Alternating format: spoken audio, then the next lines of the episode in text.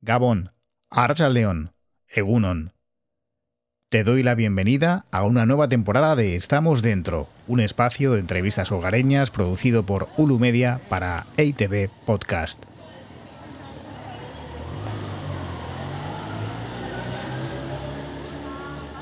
Finaliza el verano y la ciudad está en plena ebullición. En comparación con el año pasado, cuando las restricciones por la pandemia eran más severas, Donostia es hoy un ir y venir de propios y extraños.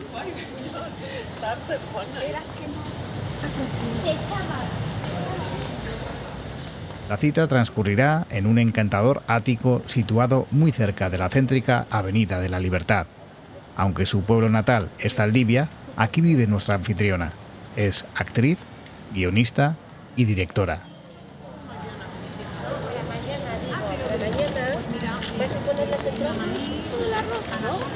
Tiene experiencia en televisión, cine y teatro. Y desde esta semana, además, protagoniza Archipelagoa, una novedosa ficción sonora de ocho capítulos que producimos también desde Ulu Media para EITV Podcast.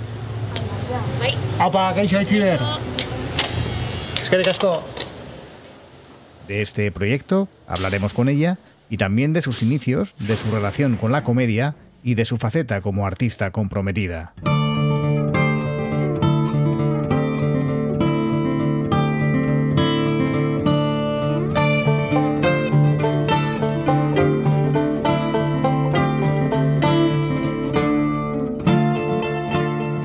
Soy Juan G. Andrés y hoy en Estamos Dentro accedemos a la casa de Aichiber Garmendia. La tele lo, lo bueno que tiene es que llegas a todas las casas y lo malo que tiene es eso mismo también, que llegas a todas las casas. Y ahora me apetece hacer pues hacer un parón en la tele también para no cansar a la gente. Si tú estás viendo una cara a las 24 horas del día durante un año y otro y otro, al final te cansas como es normal y eso me da mogollón de miedo. No aguanto cuando me dicen, no, la actriz de moda. Es que no, no, no quiero ser la actriz de moda porque las modas pasan, ¿sabes? Quiero estar ahí siempre sin hacer mucho ruido, pero estar ahí siempre trabajando y, y mantenerme sin aburrir a la gente.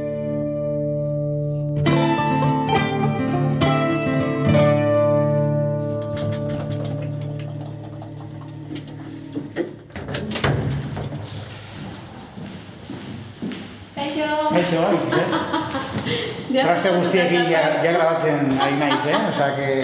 Zer ondo, pasa lasai. Etorri naiz eh, ascensorez, alperrutxa naizelako, eta... Bueno, es que, a ver, laugarrena da, baino mm, bi gehiago bezala di, eh? Osa, zerotik batea asko Ah, pasatzen ba, da. ba, ba. Onden ez du. Oso ondo. Ba, pasa. Jo, aspaldiko. Hau, nire txitxoa. Joder, bueno, ketxoa, oso Bueno, ze bi polita, batek eh? eta ez dago, ez, eh, maskariak da, Bueno, mikrofonoak da, eh, hola. hori da, hori da, venga, hola, utziko dugu. Tras propinarle dos besos al micrófono, Aichiber calienta un poco de café y nos muestra su abuhardillada morada. Bai. Utsa, utsa bai. Jo, ze, ze sarma dun etxeak, ez da? Bai, bera, etxe hau ikuste datorri nintzenen, osea, izaten da batzutan esatezula, hau da lekue. Hau da. Sartu nintzen ate hortatik esan hau da. Osea, ez dauke ezer, eh? Osea, ikusten duzu da, hoi, Jo. Trastero txiki eta oia hor bertan dauket eh, zehatuta. Bai, bai, bai, bai. Osea, kasi, kasi espazio bakarra da. Baina, hemen iken avenida ikusten dala, eta egia da, xarma berezi Bai. daukela. Itxasoa kasi ikusten duzu, Kasi, bai ez dut ikusten, Ah. ez gutxi faltatzat, baina... Bai, bai, jo, hor, eh, Monpaz, Agüez, eta... Bai. No se llega a ver el mar, pero se intuye entre los tejados del centro de la ciudad. Para hacer la entrevista, elegimos el mirador de la casa, un espacio de ventanales amplios por el que entra abundante luz. Ah, bueno, eh, por cierto, dugu gaztelaniaz. Ah, vale. Beti, detalle, vale. Bai, es que, Vale. bai, nirea da, estamos dentro, eta, que un título, me Ya. es muy para, es, es muy título de peli porno. Es porno, total. Sarrera euskera zein dugu. Bai, baina nahi igual Ah, vale. A ver, egin proba. Bai, kaixo, arratsaldeon. Aitziber Garmendia naiz, nere etxean gaude. Estamos dentro, pelikula porno egiten. Igual es de los, de los pocos eh, géneros que te falta por me falta, tocar. me falta, el porno me falta, no lo tengo. bueno, ahora lo, lo clasificaré. Bueno, es que ricasco, Aitziber, eh, gracias por abrirnos la puerta de, tu casa. Y, bueno, pues en primer lugar, eh, me gustaría saber dónde y cuándo tuviste tu primera relación con la interpretación, ¿no? ¿Cuándo fuiste consciente de que eh, podías meterte en la piel de, otra persona, disfrutar haciéndolo y hacer disfrutar a los demás con ello? Pues fue justo eh, en, la escuela. Teníamos como unos talleres de teatro y en carnaval íbamos a hacer, bueno, cada uno podía elegir mm, cualquier tipo de espectáculo, ¿no? La mayoría de mis amigas hicieron un playback y un baile y yo con mi mejor amiga hice una breve función de teatro, lo escribimos nosotras, creamos los personajes nosotras, éramos dos abuelos, una abuela y un abuelo, Maripuri y Eusebio y, nos autodirigimos nosotras, lo hicimos todo nosotras. Eh, la gente, yo me acuerdo que se meó de la risa y en ese justo momento yo pensé, yo quiero hacer esto toda mi vida. De hecho, tengo la foto ahí, luego te la enseño si quieres, del momento exacto que decidí que quería ser actriz. Yo creo que como de muy pequeña, eh, eh, ¿sabes cómo en los pueblos ya ponen eh, antes de las fiestas ya ponen el escenario donde van a tocar las verbenas y todo eso. O sea, eh, creo que era la primera en pisar el escenario. Mm, según veía que ya la habían montado, ya estaba encima. O sea, era como tenía que dar el espectáculo en todos los sitios. Me acuerdo que una vez eh, aprendí a hacer el rinchi. Estábamos en la cocina de casa, alguien lo hizo en la radio y yo repetí. Y mi madre y mi abuelo se quedaban como, ¡hala! ¡Pero qué bien! ¡Pero ese hondo, tía! Y ya dije, ya está, esta es la mía, esto va a ser. Y ese día salí con mi madre a hacer la compra. Yo era súper pequeña, ¿no? no sé si tendría cuatro años. Y me cuenta que había el irrinchi en todas las tiendas, en la panadería, el irrinchi, todas, ¡hola, qué bien! Y me aplaudían. En eh, la pescadería también, y todos me aplaudían. Bajamos en la plaza y justo había un funeral. Empecé a hacerle mi madre, aquí no, aquí no, Maikia, aquí no. Este no es el momento. No, pues así. Era, cuando había público lo disfrutaba mogollón. Eh, empecé a estudiar artes escénicas con 15 años aquí en Donosti, a la vez que iba al instituto, claro. Eh, fui súper precoz porque no se podía entrar hasta los 17, 18 años, no se podía entrar, pero di tanto la lata que al final creo que me aceptaron por eso. Y, y, a la vez luego a los 18 empecé a estudiar derecho. Entonces eh, fue todo a la vez. Según estudiaba derecho terminé el, curso de artes escénicas que duraba tres años, era como una diplomatura en el TAE, y, empecé a trabajar con 18 años. Entonces, bueno, pues eh, se me juntó todo a la vez, la carrera eh, de derecho, el trabajo como actriz, nunca dejé nada porque lo quise terminar, la carrera también digo, pero no lo sé, lo tenía muy claro. De todos modos, no sé por qué seguí estudiando derecho. ¿Y, terminaste y eh, te imaginas alguna vez ejerciendo? No, nunca, no. Terminé, mi licencia en Derecho un poco también por cabezonería, porque me gusta terminar las cosas, soy súper metódica para eso. Y también porque me parecía interesante para estudiar, es verdad que que me faltaba tiempo para poder hacerlo bien, mm, lo hice más o menos bien, pero, pero con lo justo, pero me parecía una carrera súper interesante y la disfruté por eso. Cuéntame eso, cuando estabas en clase haciendo esas obras que, hmm. tenían tanto éxito entre tus compañeras y compañeros, cuéntame eh, cuáles eran tus referentes, si es que tenías, ¿no? Como, como actrices, como cómicos o cómicas. Siempre he tenido referentes, eh, pues gente que ha trabajado en la comedia. Mi primer, primer referente fue Chiribitón. y me acuerdo que a mi madre le decía que de mayor quería ser como Chiribitón. Eh, bueno, solo por el hecho de. Bueno, fíjate desde dónde venía ya eh, el terreno tan masculino de la comedia, ¿no? Yo entendía que había que ser hombre y a poder ser un poco gordo para hacer gracia. Eh, con el tiempo, menos mal, he ido dándome cuenta de que eso no tenía que ser así me, me sigue pareciendo un grandísimo clown, un grandísimo payaso, pero, pero yo no era, tío, no era un tío, no era un hombre y, necesitaba también buscar unos referentes que fueran más afines, más cercanos a mí. Claro, es que no había payasos mujeres, ¿no? No, yo por lo menos no, no las conocía. Eh, descubrí a Lina Morgan, que era super clown ella, sin llegar a ser payaso de profesión, era los, gestos que tenía, era muy física, una actriz muy física y me gustó mucho. Y con el tiempo empecé a, quedarme con los referentes de aquí, Elena Irureta, Anega Barain. Eh, o sea, son actrices que me han marcado profundamente, son actrices a las que he seguido desde que tengo uso de razón y, de repente darme cuenta de que estoy curando con ellas ahora, de repente es súper bonito. Me estoy dando cuenta de que han, han, sido mi punto de referencia de cuando era niña, cuando empecé a soñar y, y aquí seguimos todos juntos. Y cuando hablas de reciclarte, que es algo que procuras hacer siempre que tienes igual descanso entre rodajes o obras o demás, eh, ¿qué es lo que quieres aprender de más? ¿Qué te falta eh, por aprender como actriz? Supongo que muchas cosas, pero en el plano práctico. Siempre intento hacer algo que, no haya hecho, algo en lo que me sienta bastante incómoda. Por ejemplo, yo normalmente eh, trabajo más en comedia que en un género más dramático. Entonces, cuando hago cursos, intento siempre pues, buscar algo mm, en lo que no me encuentre tan cómoda, alejarme de la comedia, sobre todo pues he hecho cursos de Shakespeare en, en Madrid con José Carlos Plaza, que es un pedazo de profesor, y, y ahí sí me sentía muy fuera de mi, de mi hábitat. Eh, tuve que estudiar mucho porque de repente te das cuenta de que, bueno, pues te has pasado dos años haciendo lo mismo y de repente estás desentrenada en otras cosas. Y, eso mismo me pone mogollón, porque digo, es que qué bueno, ¿no? No asentarte y decir, bueno, esto ya me lo sé, esto me sale bien y la gente se ríe con esto y ya está. No, no, no, no, no, no va de eso. Esto va de aprender y, sentirte incómoda y, acojonarte un poco. Cada mañana que vas al curso decir, estoy nerviosa, esto me encanta. Como cuando vienen dos chalaos y te proponen hacer un, podcast, ¿no? de ficción. Ahí quería llegar. pues fue lo mismo. Cuando me eh, vamos a hacer una ficción eh, audible, o sea, eh, un podcast de ficción, yo dije, vale, eh, yo encantada, pero que sepáis que nunca he hecho nada, nada parecido que vosotros me dijisteis. No te preocupes, nosotros tampoco. Efectivamente. y entonces dije, vale, vamos en el barco adecuado. y, nunca mejor dicho en el barco, hablando de una serie que transcurre en, el mar. Luego, luego, hablaremos de, luego hablaremos de ella.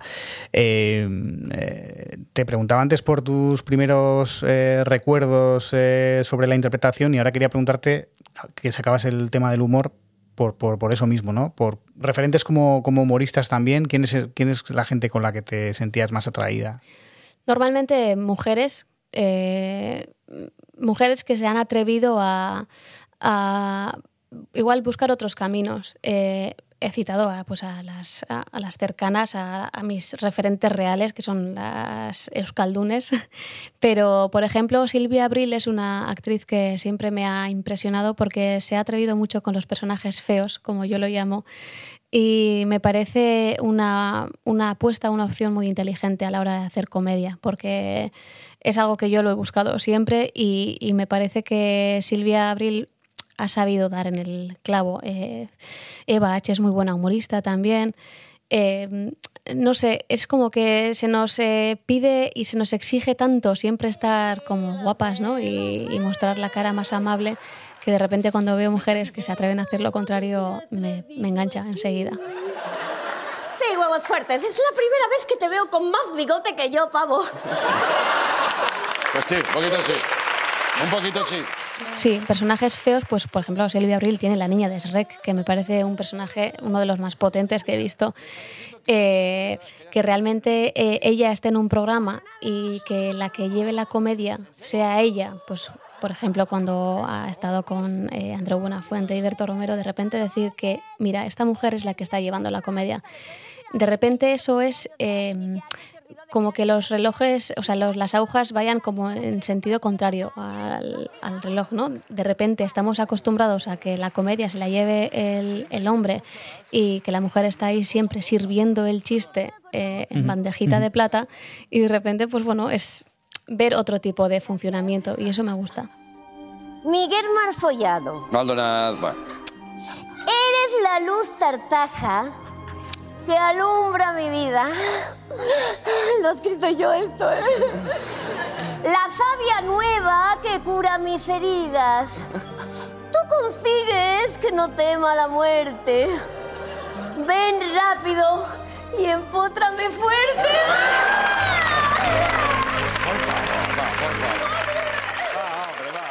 Además era repelente, realmente. Mucho, ¿eh? mucho, mucho. O sea, yo todavía hoy en día veo esos vídeos en YouTube y me encanta. Huevos fuertes, ¿no? Decía huevos fuertes. Huevos fuertes y se, y se tocaba el chocho se olía. sí, o sea, sí, era estaba como- rascándose continuamente. Era todo el rato y mostraba su excitación. Y, eh, hacía todo eh, lo que se debe, no se debe hacer. Quiero decir, hacía todo lo que se nos ha enseñado que no se debe hacer. Entonces eso, eso me parece que genera mucha comedia. Gorane tiene un, pu- un punto, ¿no? De Sí, y tu Virginia personaje, también. Tu personaje de Gorane. Go- Gorane, claro, al ser niña también es como que parte con cero escrúpulos o cero, mm, bueno, filtros. Y, y eso te abre las puertas a todo. Porque a a Gorane se le permite todo. Es que Gorane puede decir la mayor barbaridad del mundo que se le permite. Y Virginia es eh, también ese estilo de personaje feo, mm, como siempre está ahí como en una línea roja entre la virginidad y, y- la obscenidad más grande. Entonces eh, me gusta ese personaje también para jugar a eso. No sé si luego ya, llevado eso al ámbito personal, eh, ser una persona graciosa, eh, bueno, puede ser a veces algo incómodo, ¿no? Porque todo el mundo, supongo que amigos, conocidos esperarán, a ver, venga, qué Sí. gracia suelta, nos suelta Ichiber hoy, ¿no? Eh, Tienes que estar alegre, pues, ¿no? Sí, la gente espera de ti que estés haciendo Chistes continuamente, chistes ¿no? todo el rato. Y no soy así. A veces me apetece estar en una clave como más, mm, sí, de risas y de comedia, pero no siempre. A veces estoy tranquilamente, igual no participo tanto en la conversación y me ha pasado, pero muchas veces que la gente me ha dicho, ¿qué? ¿Estás bien? Pero... Y yo, sí, Pori. No, como estás ahí tan seria que no hablas. Y yo, no, es que no estés seria. es- estoy, estoy en la conversación, estoy escuchándoos. ¿Por qué tengo que estar siempre con el micrófono de- del monologuista, no? Eh, sí, a la gente a veces le cuesta entender que no tengas que estar ahí todo el rato ahí arriba. Eh, aunque has hecho también papeles dramáticos eh, y, y ahora, bueno, nos contabas lo de lo de Plaza y Shakespeare y, demás, ¿no? Eh, se te conoce más eh, por la especialidad en comedia. ¿Pero qué te gustaría hacer? Si tuvieras barra libre para, para elegir eh, un tipo de papel o un personaje histórico que te gustaría hacer, no sé, puestos a soñar, ¿qué, qué te gustaría? Ojo, pues disfruto mucho, por ejemplo, en los roles donde hay comedia, pero hay mucha verdad también, hay mucha entraña.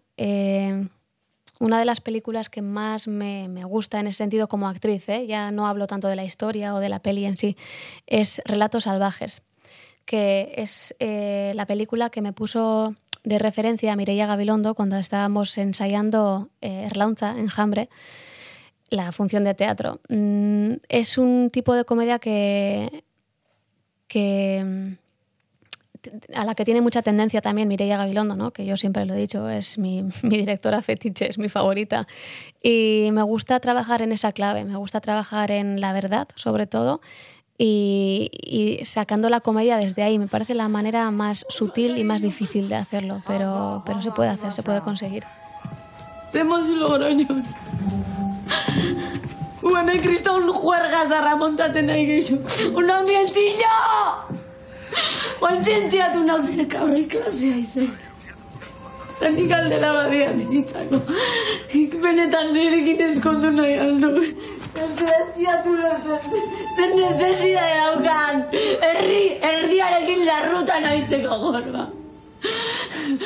En esa película estás eh, en, un, en una montaña rusa, ¿no? Eh, continuamente, ¿no? Todo el rato, todo el rato. O sea, eso era.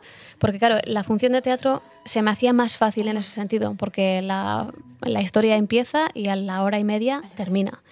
Pero en una peli, claro, eran jornadas de rodaje de 11 horas y en esas 11 horas tú tienes que mantener ese racor emocional y eso eh, exigía un esfuerzo constante, continuo. Sí, terminaba exhausta. Después de un día de rodaje, uf, terminaba pero rota. Y claro, luego ves la, la peli y no solo yo, estamos todas en una montaña rusa todo el rato. Entonces hay que mantener eso ahí y, y fue un entrenamiento increíble. Leire es una alcohólica. Leire está nerviosa. Y de Erlaunza a Archipelagoa, una serie en la que Aitziber interpreta a Yare, la heroína de una aventura que transcurre en el año 2103 y cuyo escenario es una Euskal Herria posapocalíptica. La ficción, ya disponible en ITV Podcast y demás plataformas, está escrita por los hermanos Xavier y Martín Echeverría y cuenta con un impresionante diseño de sonido a cargo de Shanti Salvador y Coldo Corella. La actriz comparte protagonismo con intérpretes como Eneko Sagardoy o Anart Zuazua. Soldaduekin? Doazela antzarrak perratzera denak. Jare, Ez, jare, ez! Zuk eta nik badakigu nondik atera nuen burdina. Baina gure eskifaiatik kanpora ez diot inorri ez esan beharri. Inortxori ere ez, entzun? Oraindik gure buruaren jabe bagara ez da. bai, noski, baina horrela... Ipar Afrikako ligako gerota soldadu gehiago dago hemen.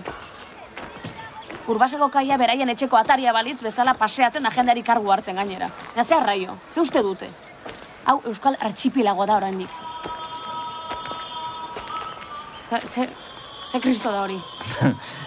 Kristo ez, hain zuzen ere. Almoezina da. Almuezina. Bai, hor goiko dorre horretan, alminarean, ikusten? Otoitzerako deia egiten ari da. Eguerdia da, badakizu. Bai, bai, badakit. Baina etorri nintzen azken aldian ez zegoen alakori. Ba, bada denbora ere zutela. Etza herritik asko ateratzen, eh? Ba, ez nahi ez du alako. Baina aitonak, hor kanpoko mundu arriskuz betea dago jare. Kaka, arriskuz betea. Urbasara etortzen ere ez zidan utzi nahi kasi. Eskatxoko itadu bat bezala ikusten hau oraindik. Archipelagoa es algo que no he hecho, pero eh, nunca. Mm, ya solo, no solo por el formato, eh, tampoco el género lo he tocado. O sea, yo me acuerdo que cuando me llamasteis y me, empe- me empezasteis a explicar eh, los personajes, eh, ya sin entrar en el formato, que es verdad que es algo que se me hacía súper nuevo, y dije, bueno, pues, mm, tendré que aprender o tendremos que aprender. Pero mm, la historia es eh, tan potente, o sea, bueno, para que no lo sepa, eh, es, no sé si podría definirlo como una historia de aventuras, Sí. de ciencia ficción, puede ser. Distopía, eso hemos hablado, pero a mí, Distopía. a, mí, a mí me gusta definirlo como una peli, una peli me sale.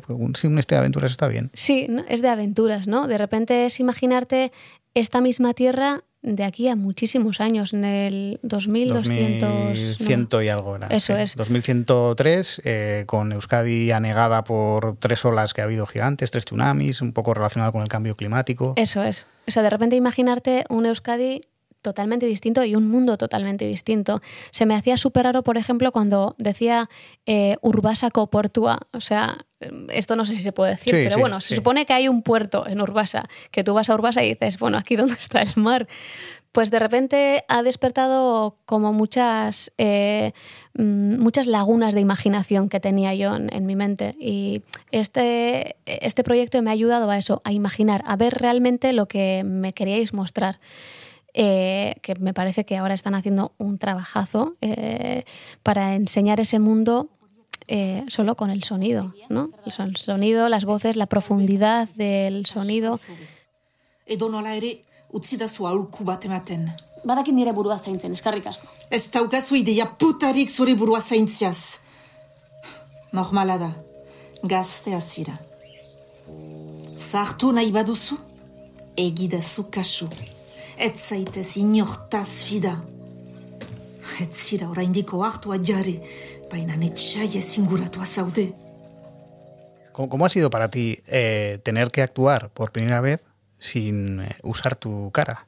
Difícil, súper difícil. Me he dado cuenta de que me apoyo en mi, en mi gestualidad mucho más de lo que creía. Pensaba que jugaba, bueno, un 50% con la voz, un 50% con la gestualidad y no es así. Las primeras veces fueron hasta darme cuenta de que yo pensaba que estaba dando una intención, una interpretación, porque yo estaba haciéndolo, claro, estaba haciendo, eh, apoyándome en el cuerpo y de repente escucharme y decir, esto, esto no es lo que yo he sentido.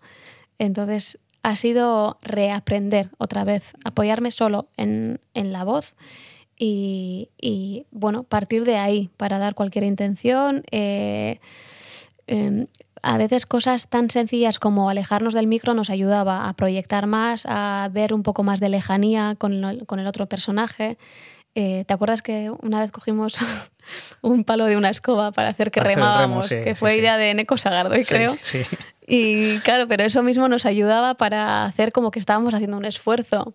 Entonces, ha sido como pequeños detalles eh, eh, que han ayudado a, que- a que vayamos creando esa ficción. Es que yo lo tengo tan claro en mi imaginario que de repente digo, ¿y esto lo entenderá así el, el público? Pero me doy cuenta de que yo lo tengo muy claro en el imaginario, vosotros lo tenéis clarísimo, eh, en Eco también lo tiene, entonces eh, Anart digo, vale, o sea, no soy solo yo. O sea, aquí hemos creado algo realmente eh, potente y es algo que tiene muchísima profundidad. Entonces, estoy convencida de que al público le va a llegar. Y háblanos de tu personaje, de Yare. Me encanta. Estoy enamorada de, de mi personaje. Eh, es la, la típica mujer con la que me sentiría súper representada y a la que admiraría, ¿no? Es una chica eh, joven, muy joven, eh, muy valiente porque nunca se... Mm, eh, o sea, fíjate que, que ha pasado como por muchos capítulos en- súper difíciles, eh, con unas situaciones físicas, climatológicas muy difíciles y siempre es como que nunca se achanta, es siempre para adelante. Eh, domina un entorno masculino también. eh, bueno, tiene mucha relación con su abuelo. Su abuelo la quiere amarrar un poquito para por protegerla, por, por miedo a que salga ¿no? al exterior, pero no se conforma con eso y le hace frente a su abuelo. Eh, en el viaje va con otros dos chicos y es como... eh, es, para mí es casi el emblema del feminismo, ¿no? Es, eh, no se acobarda, porque podría acobardarse tranquilamente. Eh, es un entorno tan hostil y, y, bueno, favorece tanto eh, que ella se pueda perder o se pueda asustar y en cambio no, es todo lo contrario. Saca como la fiera que lleva dentro y eso Mm. me encanta. Es una heroína. Sí, es una heroína, eso es.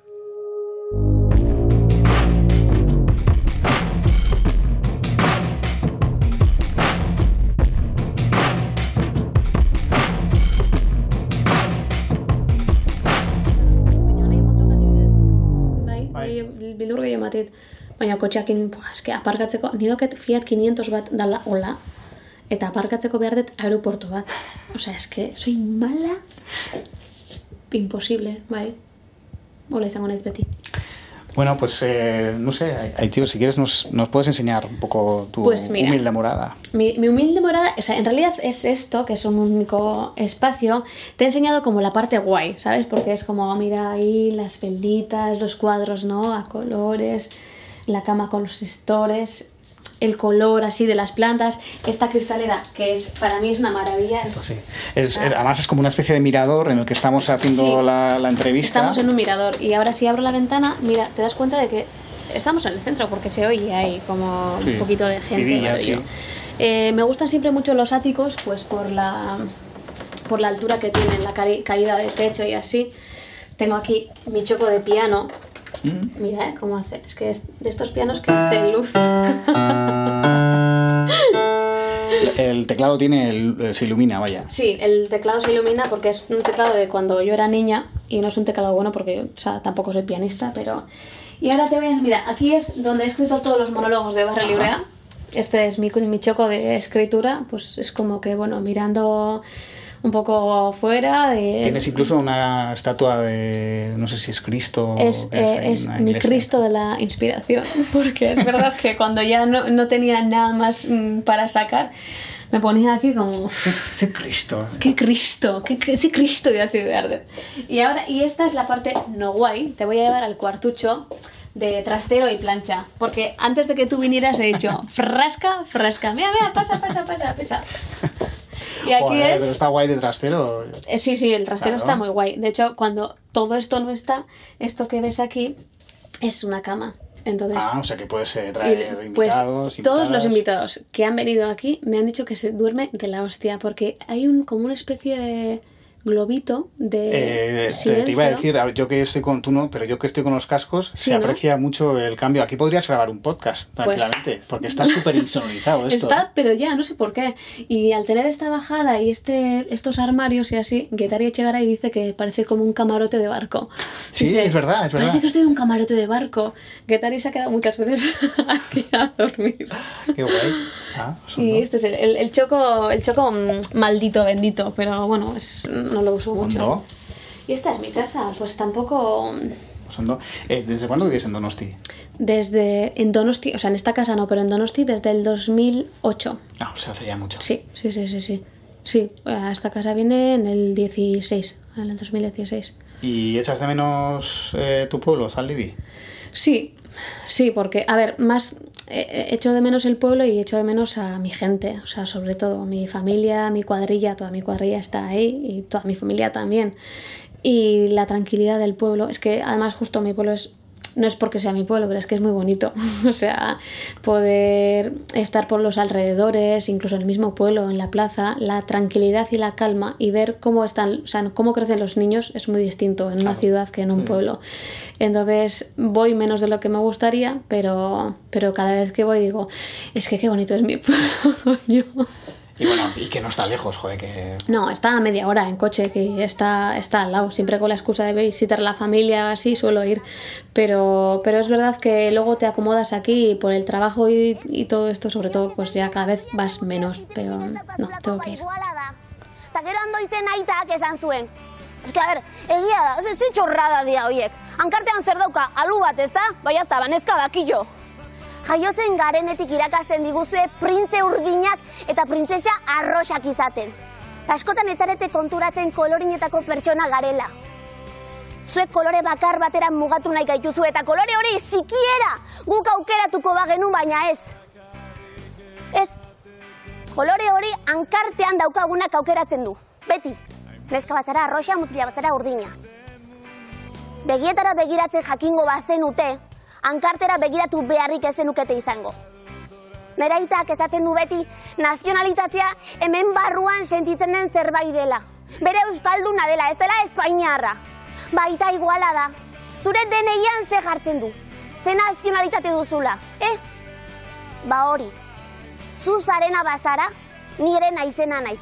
Eta Martin ere bai. Ezkarrik asko. Quería preguntarte por tu...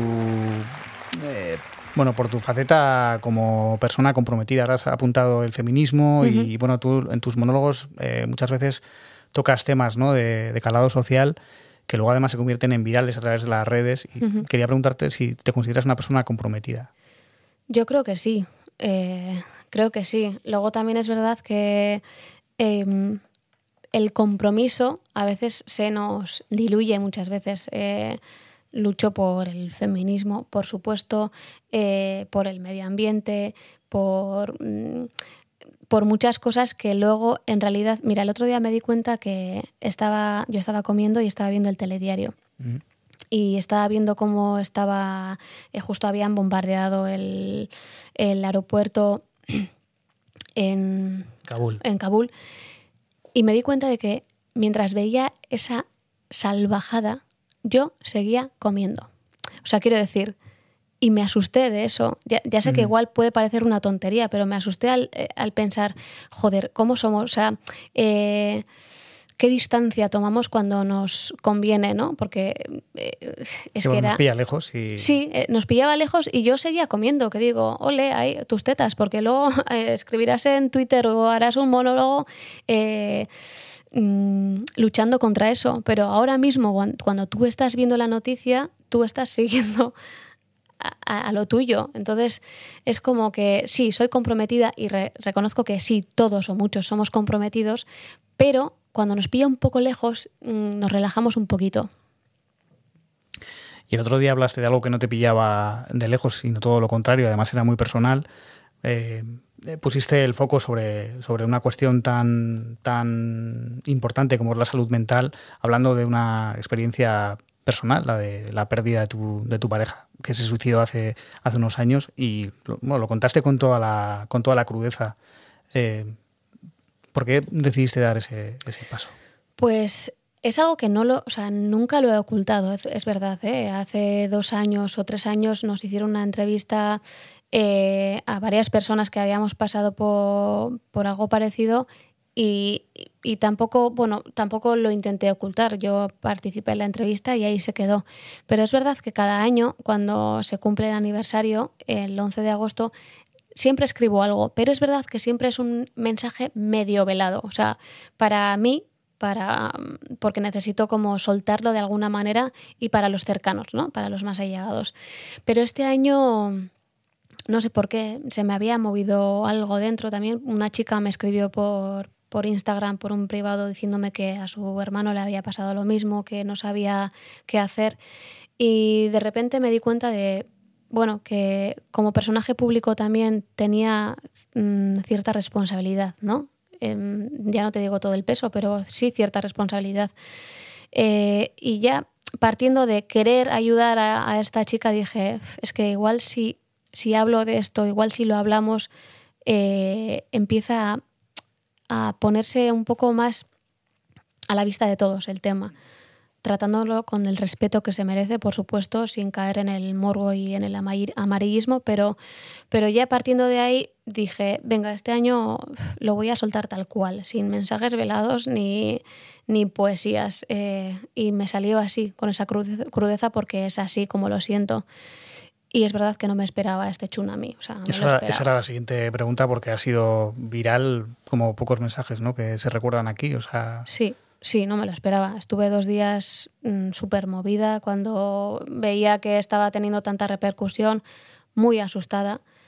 En ningún momento me arrepentí ¿eh? de haberlo escrito, pero sí me asusté, mogollón, porque mucha gente me escribió eh, abriéndose y, en canal y diciéndome, pues mira, a mí me ha pasado esto y a mí lo otro. Y de repente sentí tanta responsabilidad que dije, uff, o sea, mmm, no quiero ser responsable ahora del bienestar de, de, toda esta gente, pero como personas individuales, porque tú lanzas un mensaje para la sociedad, pero luego te das cuenta de que esa sociedad está compuesta por muchas personas.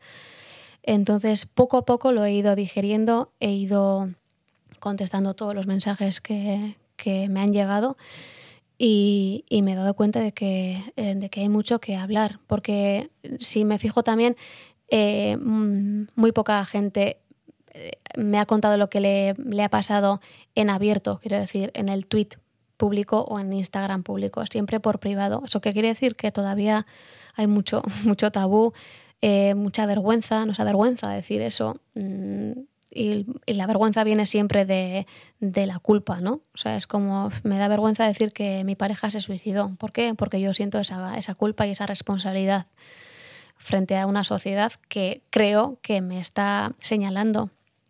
Y al final me estoy señalando uh -huh. yo sola, me doy cuenta de eso.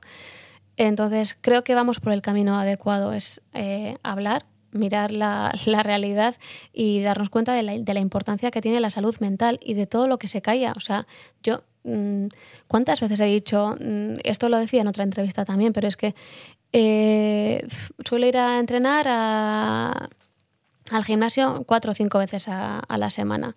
Y la, las preguntas normales son ¿a dónde vas? ¿Qué entrenas? ¿Qué tipo de entrenamiento haces? En cambio, digo que voy una vez al mes a, a, terapia y la mayoría de la gente se calla. Nadie me pregunta qué, te, qué tipo de terapia es y, y, en qué te ayuda. No, nada. Uh -huh. Es como, es como eh, tabú, silencio de repente. Eh, tenemos súper interi interiorizado que tenemos que cuidar el físico y en cambio cuidar la salud mental nos parece algo como algo tendrás, ¿no? Algo eh, no lo tomamos como un, un, cuidado de seguimiento de a mí me viene bien hacer terapia una vez al mes o, o una vez cada dos meses, cada uno ve también qué es lo que necesita, pero no, no se habla con naturalidad de eso a ti te ha ayudado la terapia a, a bueno, hacer más llevadera esa, esa pérdida o a des, descargar, des, despegarte de la, de la, culpa esa que sentías, ¿no? Mucho, mucho. Y no solo a eso, yo en terapia empecé a raíz de eso hace 14 años, pero he seguido haciendo porque me ayuda eh, realmente en el día a día, en cómo afronto las situaciones. Eh, también tenemos, pues yo, por ejemplo, tengo una profesión muy inestable, eh, muy de cara al público y todo eso, pues te genera momentos de inseguridad, momentos de ansiedad y yo padezco mogollón de ansiedad y es algo que, que no se habla, que nos Mm, parece como mm, que, mm. "Uh, es que, ¿cómo vas a contar? Pues sí, yo suelo tener ansiedad y la terapia me ayuda a llevar esto. De hecho, ahora eh, en- con los deportes olímpicos se ha visto un poquito eh, la punta del iceberg, ¿no? Eh, cuando los deportistas, pues, ¿cómo es esta? Sim-? Simone- Simone Biles, que se retiró y, y dijo que, que había padecido de ansiedad y que lo sigue padeciendo. Y es como, ojo, eh, en algún momento también tendremos que mostrar nuestra fragilidad. Y esto sin entender fragilidad como algo negativo, porque parece que tenemos que ser insumergibles. Y no, y no lo somos, y no pasa nada, somos humanos. Bueno, eh, nos suele gustar en Estamos Dentro y en Barruan Gaude pedirle a nuestra anfitriona que nos dedique una canción. Pues eh, un tema musical, algo que, que os guste para dedicárselo a, a la audiencia. Vale, ya, la, la que yo quiera. Sí. Joder, no sé. Es que tengo muchas favoritas. Eh, es una que suelo pedir a veces. Hace mucho que no, no la pido. Por las noches, ¿eres, eres de las que va donde el DJ a, a pedir canciones? O... A veces sí. Sí, ¿te acuerdas cuando hacíamos juergas y así? Cuando había bares abiertos no. y bailábamos. pues sí, a veces hay de las que va a pedir y normalmente no me ponen, porque suelo pedir gris y así. O sea, soy fanática de gris, fanática de gris. Es la peli que más veces he visto. Eh, cuando mm, era mi cumpleaños de niña, yo me vestía de Sandy y, y celebraba así mi cumpleaños con la música de Gris y mis compañeros pues me aceptaron tal y como era. Entonces, en uno de los monólogos de Barrio Libre les di las gracias porque hoy en día que se escucha tanto el tema del bullying y así que me parece algo tan, tan, tan sobrecogedor que yo dije, ostras, y yo no lo padecí, o sea, tenía todas las papeletas y no lo padecí. O sea, que gracias a mis compañeros y a todo mi entorno, porque qué suerte. Y pues la canción que voy a elegir, eh, hablando ahora de humor, de ten- tener que tener que seguir adelante ¿no? en esta profesión, de- de- con todo lo que hemos pasado, eh, y a raíz del tweet sobre el suicidio, eh, es un tema que siempre lo he tenido súper presente, es el Show Must Go On de. Freddie Mercury. Y es casi casi mi lema, ¿no? En estos momentos de cuando he estado más baja y pues por ejemplo me acuerdo que después, o sea, hace 14 años, después del funeral, que fue un lunes, ese martes yo tenía una función. Eh, me propusieron cancelarla y yo dije que no, que quería subirme al escenario porque aparte me parecía que hacer eh, una función de hora y media y estar en la piel de otra persona por hora y media me parecía un alivio. Y lo hice y no me arrepiento para nada. Y en ese momento pensé en esa canción. Hmm. Y, y mira, os dedico esa canción porque pase lo que pase, el show debe continuar. Pues vamos a escuchar a Queen y a Freddie Mercury. Empty spaces, what are we living for? Abandoned places, I guess we know the score. On and on, does anybody Another hero, another mindless crime behind the curtain. In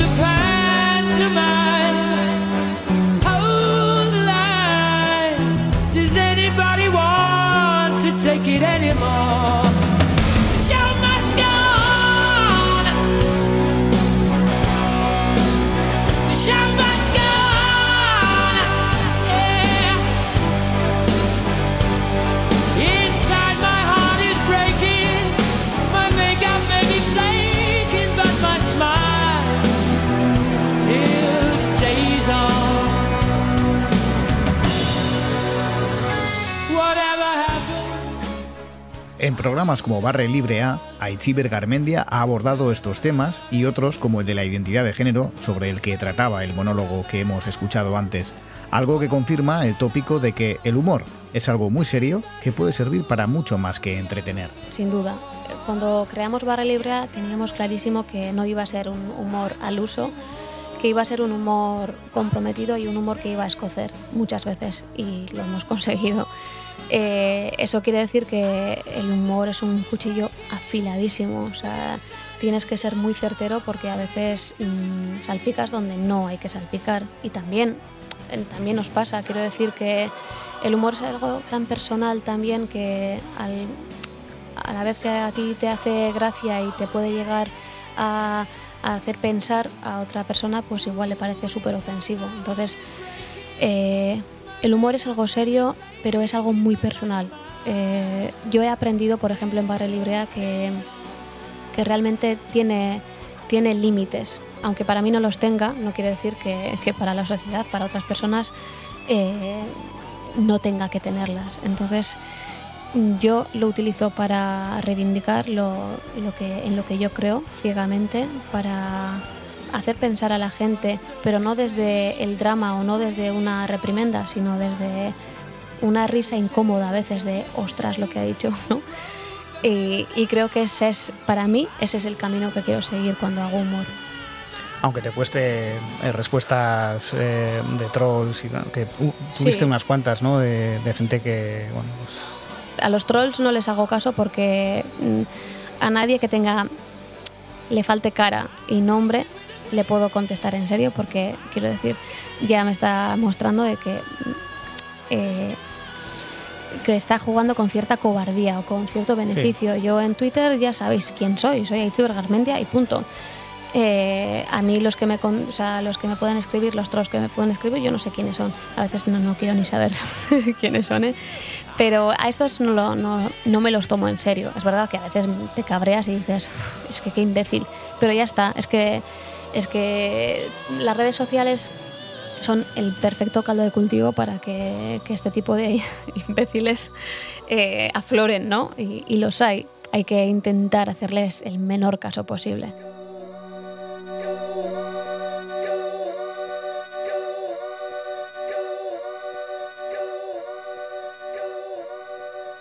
y tú metes muchas horas en las redes, ¿no? Más de las que me gustaría, sí. Sí, eh, hay momentos en los que digo, bueno, ya está. O sea, cuando cuelgue algo, pues lo cuelgo y ya está. Pero claro, luego la gente empieza a preguntarte, ¿y esta función a qué hora es? ¿Y cuánto dura? ¿Y, dónde puedo comprar las entradas? Y soy incapaz de no contestar porque es como, jo, es mi público, no puedo no contestarle. Que también pienso, a esta persona le cuesta lo mismo entrar en internet y mirar la hora y el sitio que escribirme a mí. Pero con las redes sociales nos hemos mm, convertido en excesivamente cómodos, a lo mejor, ¿no? Nos acerca mucho.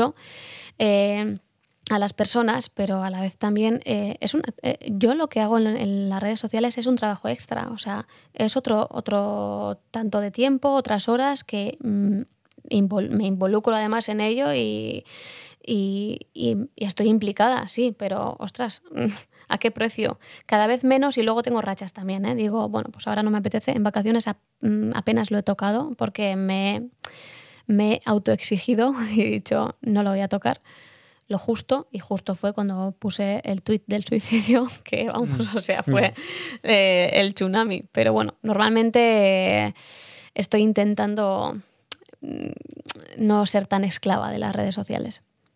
Últimamente también ha habido voces que, que han, eh, han comentado que el humor hecho por mujeres tiene como una categoría menor en comparación con el de los hombres, ¿no? Estoy pensando en el asunto este que hubo hace unas semanas con la, La Chocita del la Loro, Chocita del Loro, sí. que yo la verdad es que no, no conocía el sitio, pero mm, creo que es un, un lugar eh, reputado, ¿no? Eh, de- que se dedica a los monólogos.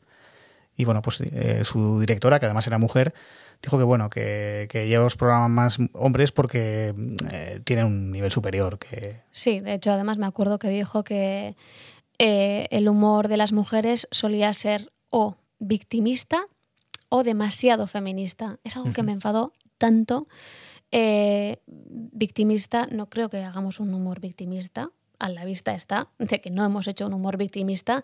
Otra cosa es que utilicemos el humor para reivindicar ciertos comportamientos o, o ciertas eh, situaciones que tenemos que vivir como víctimas, pero el hecho de que yo me retrate y cuente algo como víctima no quiere decir que esté haciendo un humor victimista ni mucho menos y luego a lo de respecto a lo de demasiado feminista que alguien me explique por favor que es demasiado feminista sobre todo cuando el feminismo busca la igualdad que alguien me explique no es como no, es que es demasiado igual, no sé, no, no entendí ese concepto.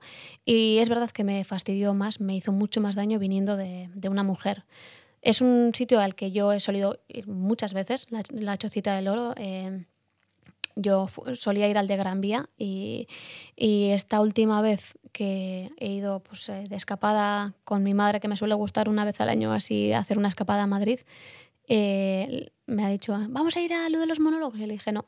Hmm. Y no vamos a volver a ese sitio hasta que esto se retracte o, o empiece a haber otro tipo de funcionamiento. Es verdad que yo siempre decía, joder, qué pocas chicas. Cada vez que había una chica es verdad que iba a verla, pero había muy pocas chicas. Es Y- que me he metido antes en la página web y porque pa- para saber eso si era en- intuía que era Madrid, pero no lo sabía ciencia cierta y solo había eh, carteles con actuaciones de, de hombres. Sí, casi siempre hay actuaciones de hombres. Y yo reconozco que he ido muchas veces y me lo he pasado muy bien y he visto monólogos maravillosos. Y yo no estoy diciendo que los tíos eh, lo hagan mal. Yo he visto monólogos maravillosos en La Chocita del Oro. y, o sea, me he reído muchísimo.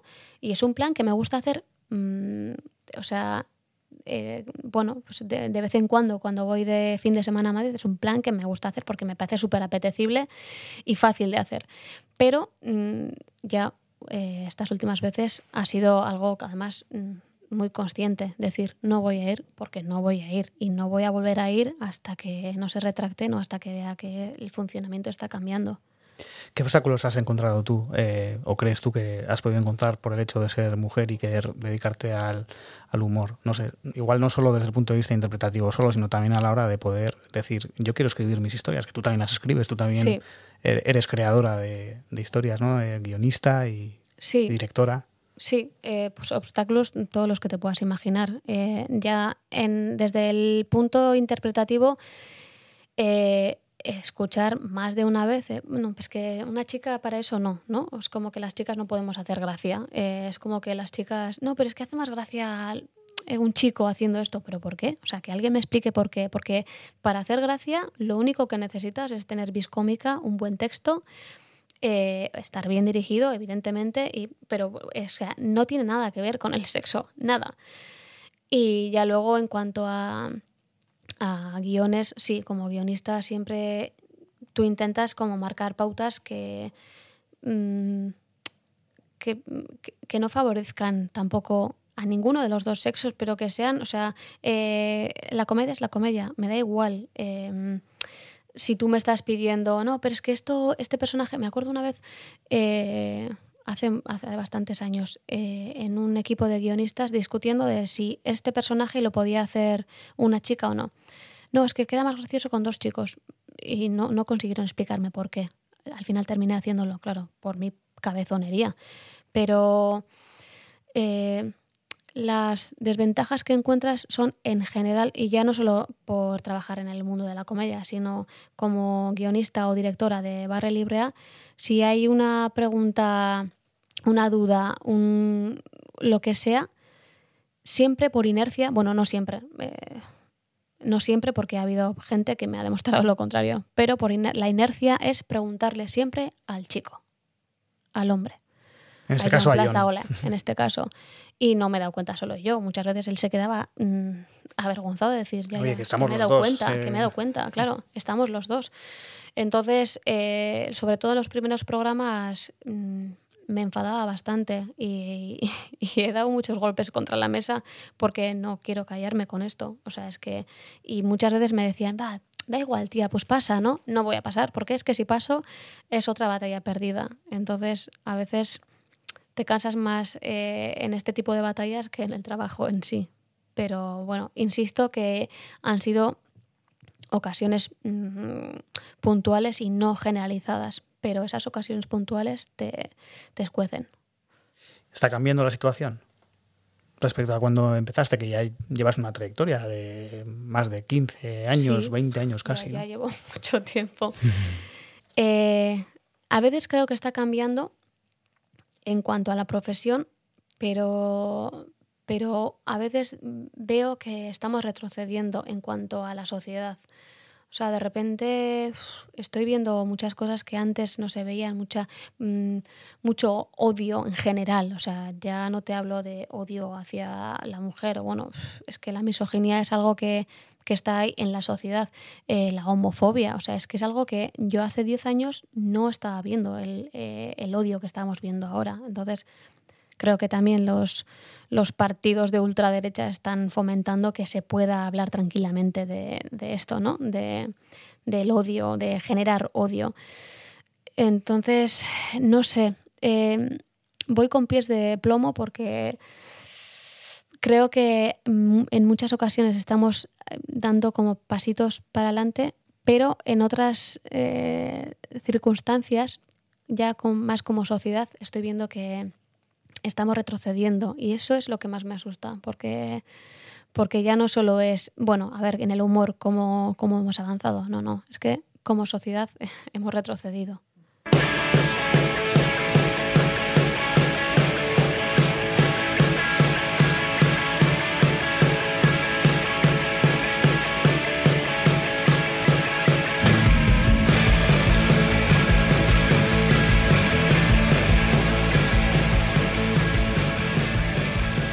Cuéntame tus eh, próximos proyectos, que, en qué andas metida ahora, porque habéis dejado mm, por voluntad propia Barra Libre A, un programa que estaba funcionando muy Sí. bien.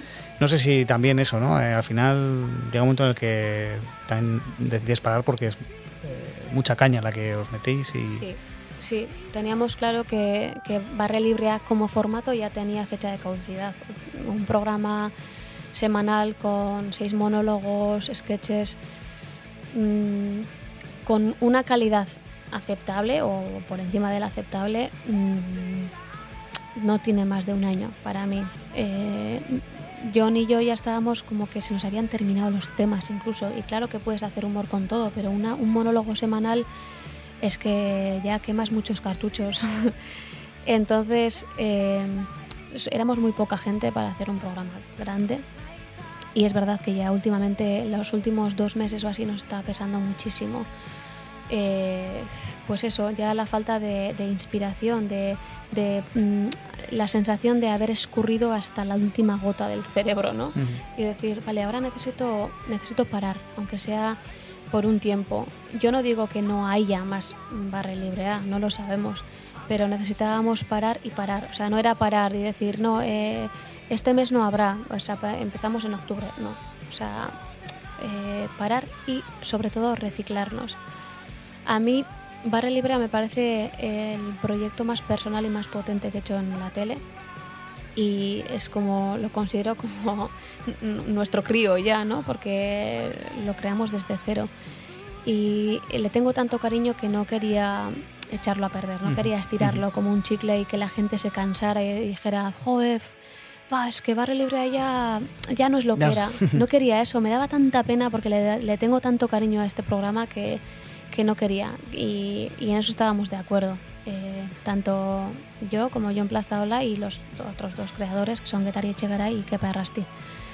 Y decidimos terminarlo pues por todo lo alto. Un año, que también me parece, empezamos en época de pandemia, estábamos encerrados en casa todavía, cuando Mm. se creó Barra Libre A. Y bueno, ¿y parar para, para qué ahora? ¿Qué es lo que te pide ahora el cuerpo a ti? Porque eso también eh, has hecho papeles en. combinas el cine, la televisión, Mm. el teatro y no sé qué es lo que.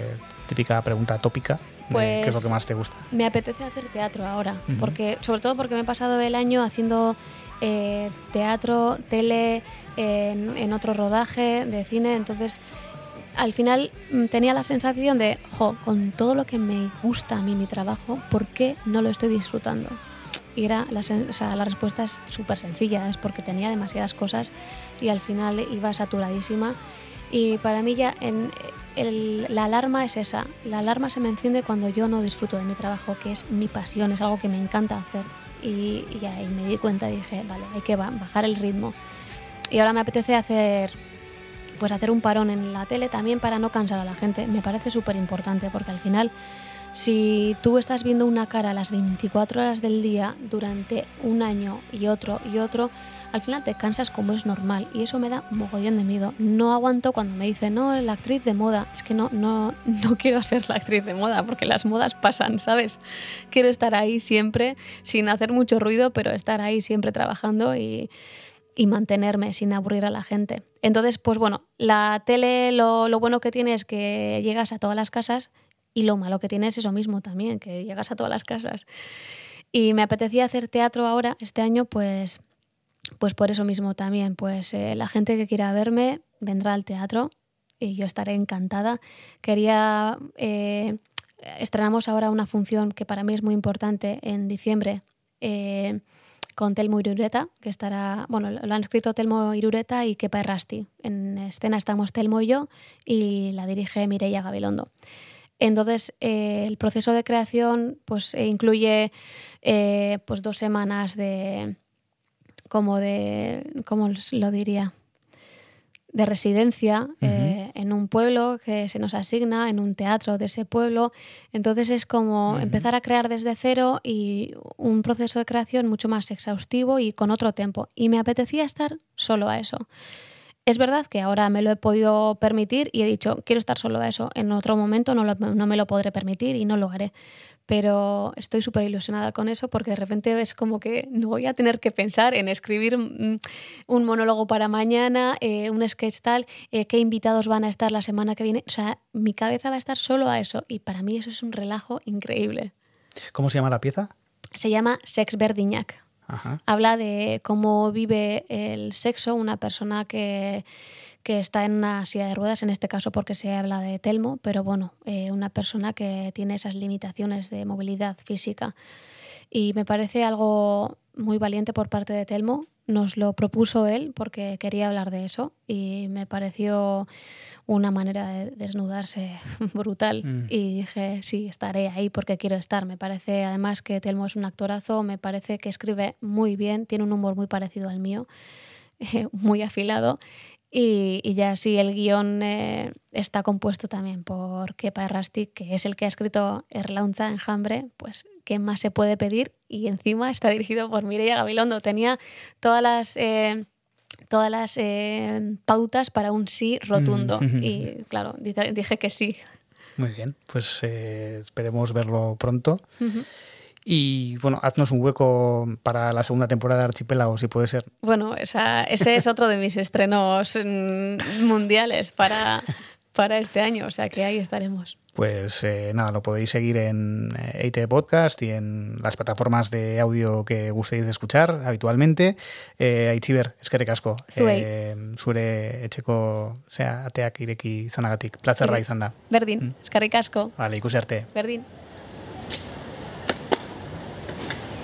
Ya en la calle, antes de arrancar la moto para regresar a casa, suena el teléfono móvil.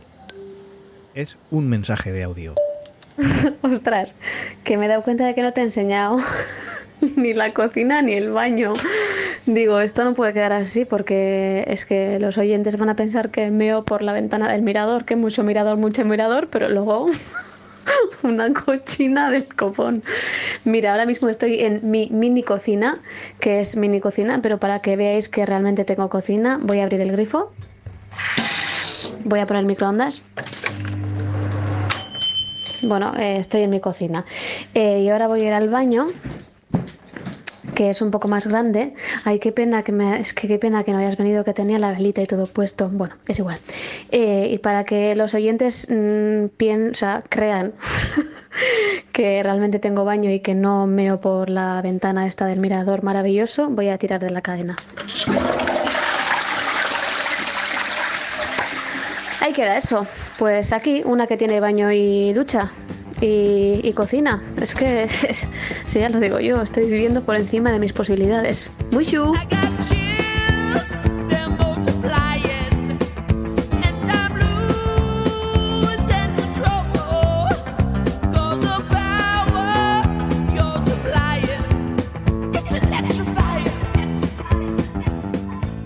Así termina el decimotercer episodio de Estamos Dentro, el espacio en el que cada semana nos colamos en casa de alguna personalidad digna de atención.